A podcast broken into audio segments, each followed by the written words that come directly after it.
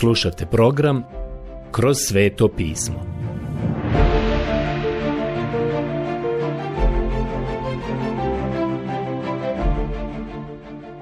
Knjiga Postanak Odlomak Postanak poglavlje 15 od 6. stiha do poglavlja 16. 5. stiha Danas dolazimo do 6. stiha u 15. poglavlju knjige Postanka. Želio bih ga pročitati sada. Abram povjerova gospodinu i on mu to primi u zaslugu. Evo jednog od velikih poglavlja u Bibliji i ovo je jedan od velikih stihova u Bibliji. Sjetite se da se Bog ukazao Abrahamu nakon njegove pobjede nad kraljevima koji su došli sa istoka i Boga je zaštitio. Ja sam tvoj štit, tvoja plaća bit će vrlo velika. Knjiga Postanka 15.1 Ovaj čovjek Abram je bio malo uznemiren. Pitao je Boga o tome što nema dijete. Sluga koji je bio rođen u njegovoj kući je bio u redu da naslijedi njegov imetak i sve je izgledalo da će tako i biti. Bog je uzeo Abrama za ruku, bila je noć, izveo ga napolje i rekao mu sljedeće. Pogledaj onamo prema zvijezdama. Ako ih možeš izbrojati, onda možeš izbrojati i svoje potomke. Nije mogao izbrojati zvijezde, a mogao ih je vidjeti otprilike oko četiri hiljade, ali vjerovatno ih je bilo preko 50.000 na tom području odakle je on gledao. Nije ih mogao izbrojati. Nije mogao izbrojati svoje potomstvo. Niti danas to ne bi mogao. Dakle, Abraham je vjerovao Bogu. Zapravo to znači da je Abraham rekao Bogu Amen. Bog kaže, učinit ću ovo za tebe, a Abraham je rekao Bogu, vjerujem ti, Amen, vjerujem. I to mu se uračunalo u pravednost. Ovo je toliko važno da to moramo provjeriti. Pavle je pominjao ovaj događaj. Na primjer, spomenuo ga je u četvrtom poglavlju poslanice Rimljanima. Apostol Pavle citira ovaj stih i dopustite mi da to pročitam počevši od prvog stiha četvrtog poglavlja poslanice Rimljanima. Šta ćemo dakle reći za Abrahama, svoga oca? Što je postigao po tijelu? Dopustite da nastavim čitati. Dakle, šta je Abraham postigao po tijelu? mislim da nam nastavak još bolje otkriva smisao i značenje. Jer ako se je Abraham opravdao djelima, može se hvaliti, ali ne pred Bogom. Jer što kaže pismo? Povjerova Abraham Bogu, to je njegova vjera, i uračuna mu se u pravdu. To nije bilo vidljivo, ali to je Bog uračunao. Ali onome koji radi ne računa se plaća po milosti, nego po dugu. Ukoliko biste mogli zaraditi svoje spasenje, onda bi Bog dugovao vama. Ali, prijatelju moj, Bog nikada ne spašava ni na koji drugi način osim milošću. Nikada nije imao drugu metodu spasavanja. Ako se ikada spasiš, to će biti zato što si povjerovao Bogu. Prihvatite Krista kao svog spasitelja. Vjerujte da vam je Bog obezbijedio to spasenje.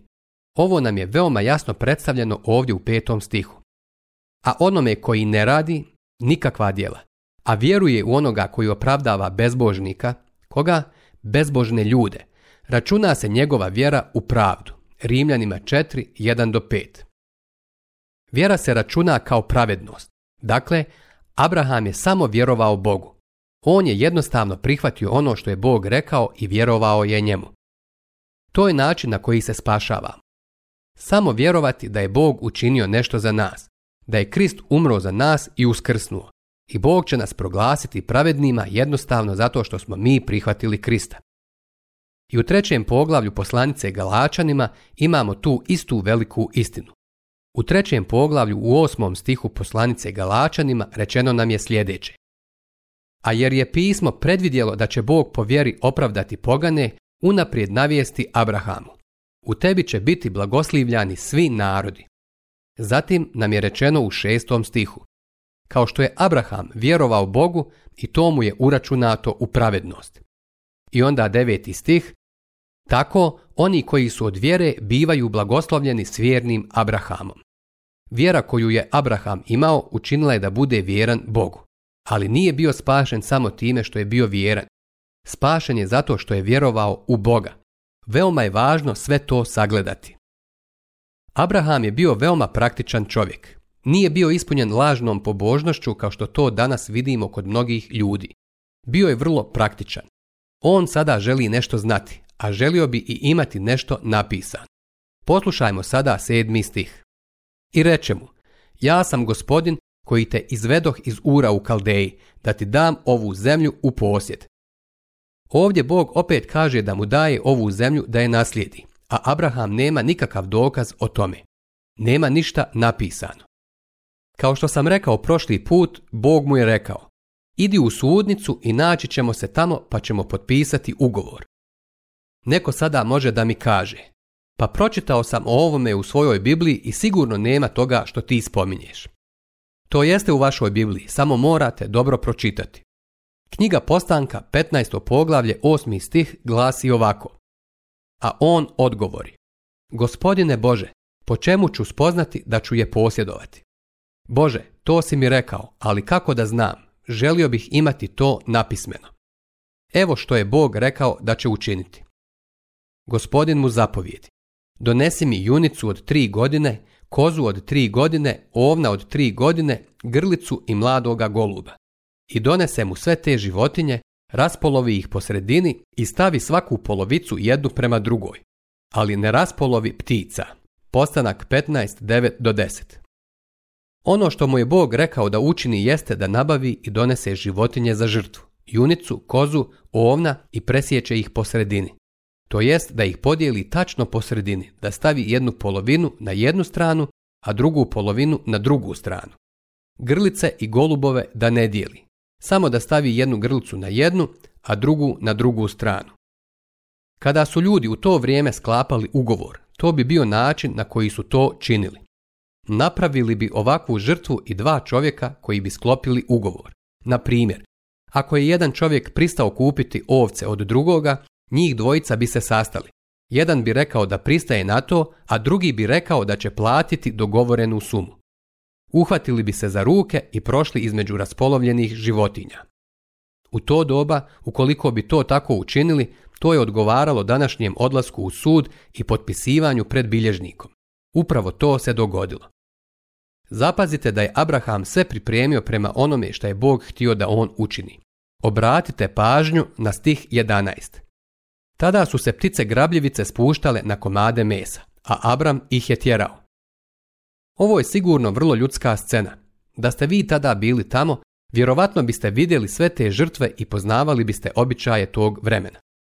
Vjerovatno bih sada trebao okrenuti i pročitati iz knjige proroka Jeremije 34.18 jer se tamo nalazi opis tog običaja koji je u to vrijeme prevladavao u toj zemlji, ne samo među ovim ljudima nego i među svim drugim narodima tog vremena. Evo dakle tog opisa. Čitam iz knjige proroka Jeremije 34.18. A ljudima koji prestupe moju nagodbu i ne izvrše odredbe nagodbe koju su sklopili predamnom, učinit ću kao govedu što su ga rasjekli na dvoje i prošli između njegovih komada. Vidimo da je u tadašnje vrijeme to bio način na koji su se prinosile žrtve i kako su se polovile i kako su ljudi tada sklapali ugovore. Tako je Abraham sve spremio i dok je on čekao gospoda, ptice nebeske su slijetale, lešinari vrane, i sve ostale grabljivice. Abraham je bio tamo i tjerao ih. Letjele su iznad i bile su spremne da se obruše na žrtvovane životinje. Neko bi možda rekao, pa brate Abrahame, očigledno se nije pojavio onaj sa kojim sklapaš ugovor. A on bi rekao, ne, nije. Vjerovatno bi taj neko onda dodao, pretpostavljam da kasni. Ne, odgovorio bi Abraham, mislim da nije zakasnio. Rekao mi je da pripremim stvari i da će on biti ovdje i sklopiti ugovor sa mnom. Zapazite sada šta se dogodilo. I kad je sunce zalazilo, pade na Abrama dubok san. Ujedno ga obuze strah i veliki mrak. Postanak 15.12. Dogodilo se sljedeće. Abraham je bio u dubokom snu, paralizovan i stavljen na stranu. Veoma je čudno to što ga je Bog na neki način paralizovao i pustio na njega dubok san baš onda kada bi trebalo sklopiti ugovor. Ovo je neobičan ugovor. Bog će proći između raspolovljenih životinja jer je on taj što obećava, a Abraham neće proći jer on ne obećava da će učiniti bilo šta. Abraham je samo vjerovao Bogu. To je sve. Prijatelju moj, upravo to se dogodilo prije otprilike 2000 godina. Jer je Bog tako ljubio svijet da je predao svojega jedinorođenog sina. I sin je pristao doći na zemlju i umrijeti za grijehe svijeta, za vaš i moj grijeh. Da svaki koji vjeruje u njega ne propadne, nego da ima vječni život. Evanđelje po Ivanu 3.16 Ja nisam ni bio tamo. Prije 2000 godina nisam bio tamo čak ni da sklopim ugovor. Ali Bog Otac i Bog Sin jesu. I onda je on otišao na križ i umro je za moje grijehe. Ja sam bio paralizovan grijehom. Nisam mogao ništa obećati. Niti si ti mogao. Abraham neće ništa obećati. Pretpostavimo da je Bog rekao Abrahamu, Abrahame, ako samo obećaš da ćeš se moliti svake večeri, ja ću to učiniti za tebe. I pretpostavimo da Abraham zaboravi to učiniti i ne pomoli se jedne večeri. Pa ugovor je sklopljen i onda je prekršen. Zato Bog ne traži da Abraham ispuni njegov dio. Bog je rekao da će to učiniti. I traži od čovjeka da učini samo jednu stvar, da kaže Bogu amen. Da vjerujemo. Vjerujte šta je Bog učinio. Prijatelj, to je spas. Vjerovati Bogu.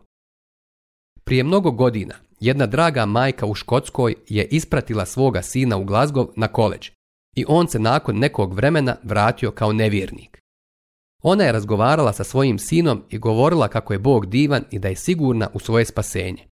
On je postao skeptičan i bio je malo isprovociran i na kraju je rekao Kako znaš da si spašena? Zašto? rekao je mladić. Tvoja mala duša ne znači ništa. A zatim ju je počeo uspoređivati sa prostranstvom svemira i rekao je Bog bi mogao zaboraviti na tebe i ti ne možeš biti sigurna. Nije više ništa rekla samo je nastavila posluživati dječaku doručak i konačno kada je završila, sjela je s njim. A onda je rekla, znaš sine, razmišljala sam o tome. Možda si u pravu. Možda moja mala duša ne znači puno, a možda zbog ogromnog prostranstva svemira ja Bogu uopšte ne bih nedostajala. I onda mu je rekla, ali znaš, ako me on ne spasi, izgubit će više nego što ću ja izgubiti. Sin je tada upitao, kako to misliš? Pa baš kao što si rekao, moja duša ne znači ništa. Ja ne bih puno izgubila. Ali Bog bi. On bi zbog mene tako beznačajne i bezvrijedne izgubio svoju reputaciju, jer je obećao da će to učiniti.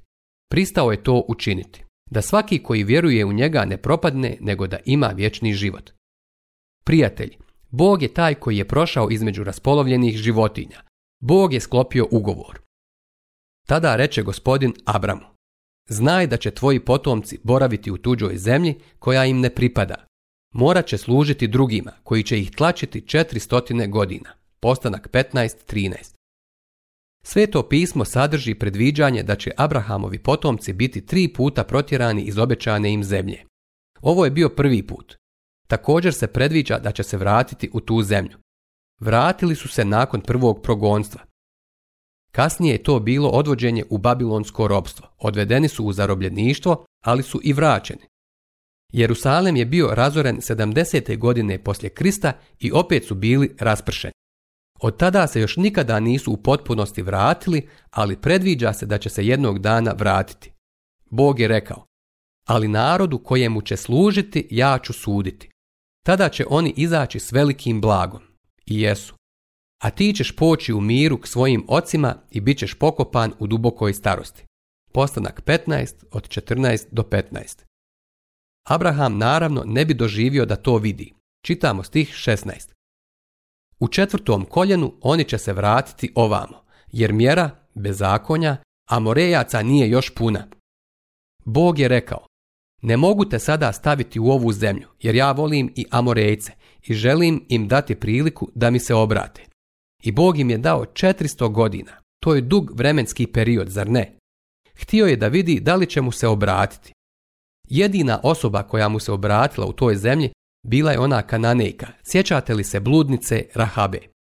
Ona se jedina okrenula Bogu. Vjerovala mu je. I to je sve što Bog traži od vas, da mu vjerujete. On je Amorejcima dao dosta vremena i priliku da mu se obrate. Kad zapade sunce i nasta dubok mrak, gle, Peć se zadimila i ognjeni plamen prolazio je između onih žrtvenih komada. Postanak 15.17. I jedno i drugo govore o Kristu.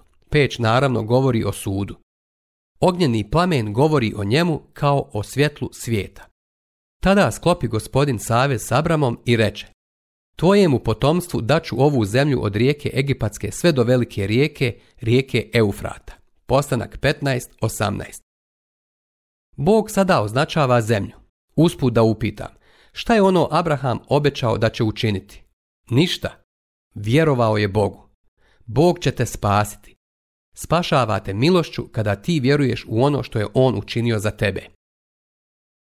16. poglavlje Sarin prijedlog Abrahamu Sada dolazimo do 16. poglavlja i moram priznati da skoro da poželim da 16. poglavlje nije u Bibliji da ga je Bog izostavio.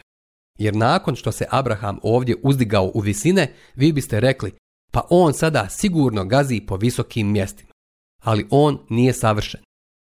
Ovdje vidimo kako se on ponio u odnosu na Saru i Hagaru, egipatsku sluškinju. Sada mi dozvolite da pročitam 16. poglavlje prvi stih. Saraja, žena Abramova, nije mu rađala djece, a imala je sluškinju Egipćanku imenom Hagaru možemo vidjeti da je imao dvije stvari u egipatskoj zemlji koje su mu stvarno uzrokovale nevolje. Bogatstvo je bilo jedna od njih, a druga je bila mala egipatska sluškinja koju je dobio. Tada reče Saraja Abramu, Znaš, gospodin mi je uskratio djecu. Uzmi dakle moju sluškinju za ženu. Možda po njoj dođem do djece. Abram prista na riječ Sarajinu. Postanak 16.2 Ono što je ova žena predložila bila je uobičajena praksa u to vrijeme. Kada žena nije mogla roditi dijete, tu je bila konkubina i to je bila uobičajena praksa u to vrijeme. Ali nemojte reći da je Bog ovo odobrio. Bog to uopšte nije odobravao. To je bila Sarina ideja i ona nije bila u suprotnosti sa tadašnjim običajima. I Abram ju je poslušao. Čini se da joj prepušta svoju poziciju šefa doma i on je poslušao njen prijedlog. I Saraja žena Abramova uze Hagaru Egipćanku svoju sluškinju deset godina nakon što se nastani Abram u zemlji Kananskoj i dade je Abramu svome mužu za ženu. Postanak 16.3 Tako je ova mala egipatska sluškinja postala konkubina, iako to nije bilo po Božjoj volji. Bog uopšte neće prihvatiti to potomstvo. Neće. Ne bi. Zašto? Zato što je bilo pogrešno. Nemojte reći da je Bog ovo odobrio.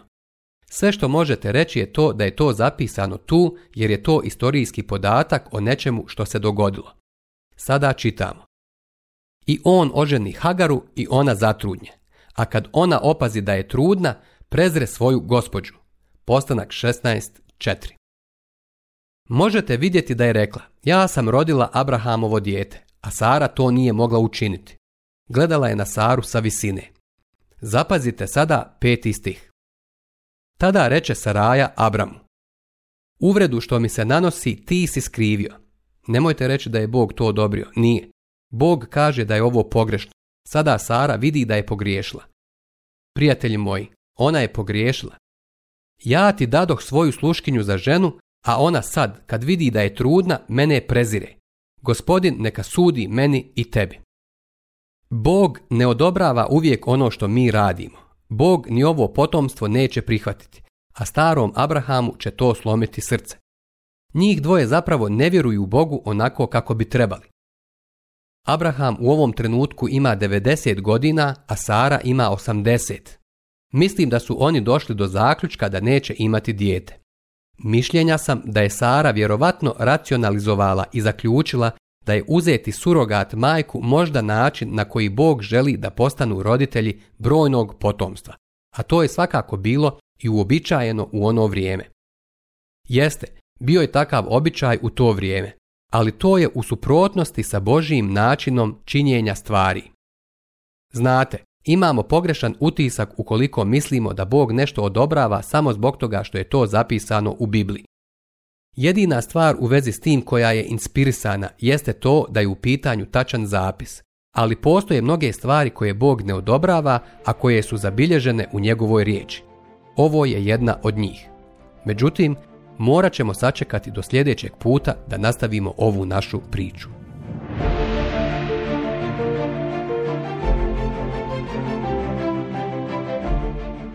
Slušali ste emisiju Kroz sveto pismo. Možete nas slušati i na našem YouTube kanalu putem mobilne aplikacije, te na svim glavnim podcast platformama kao što su Google, Apple i Spotify. Ako vam se naši programi dopadaju, preporučite ih i podijelite s drugima.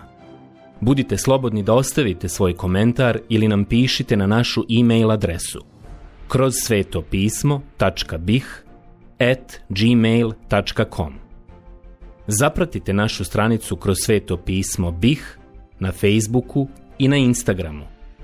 Emisije iz ove serije možete pronaći na našoj stranici ttb.tw.org.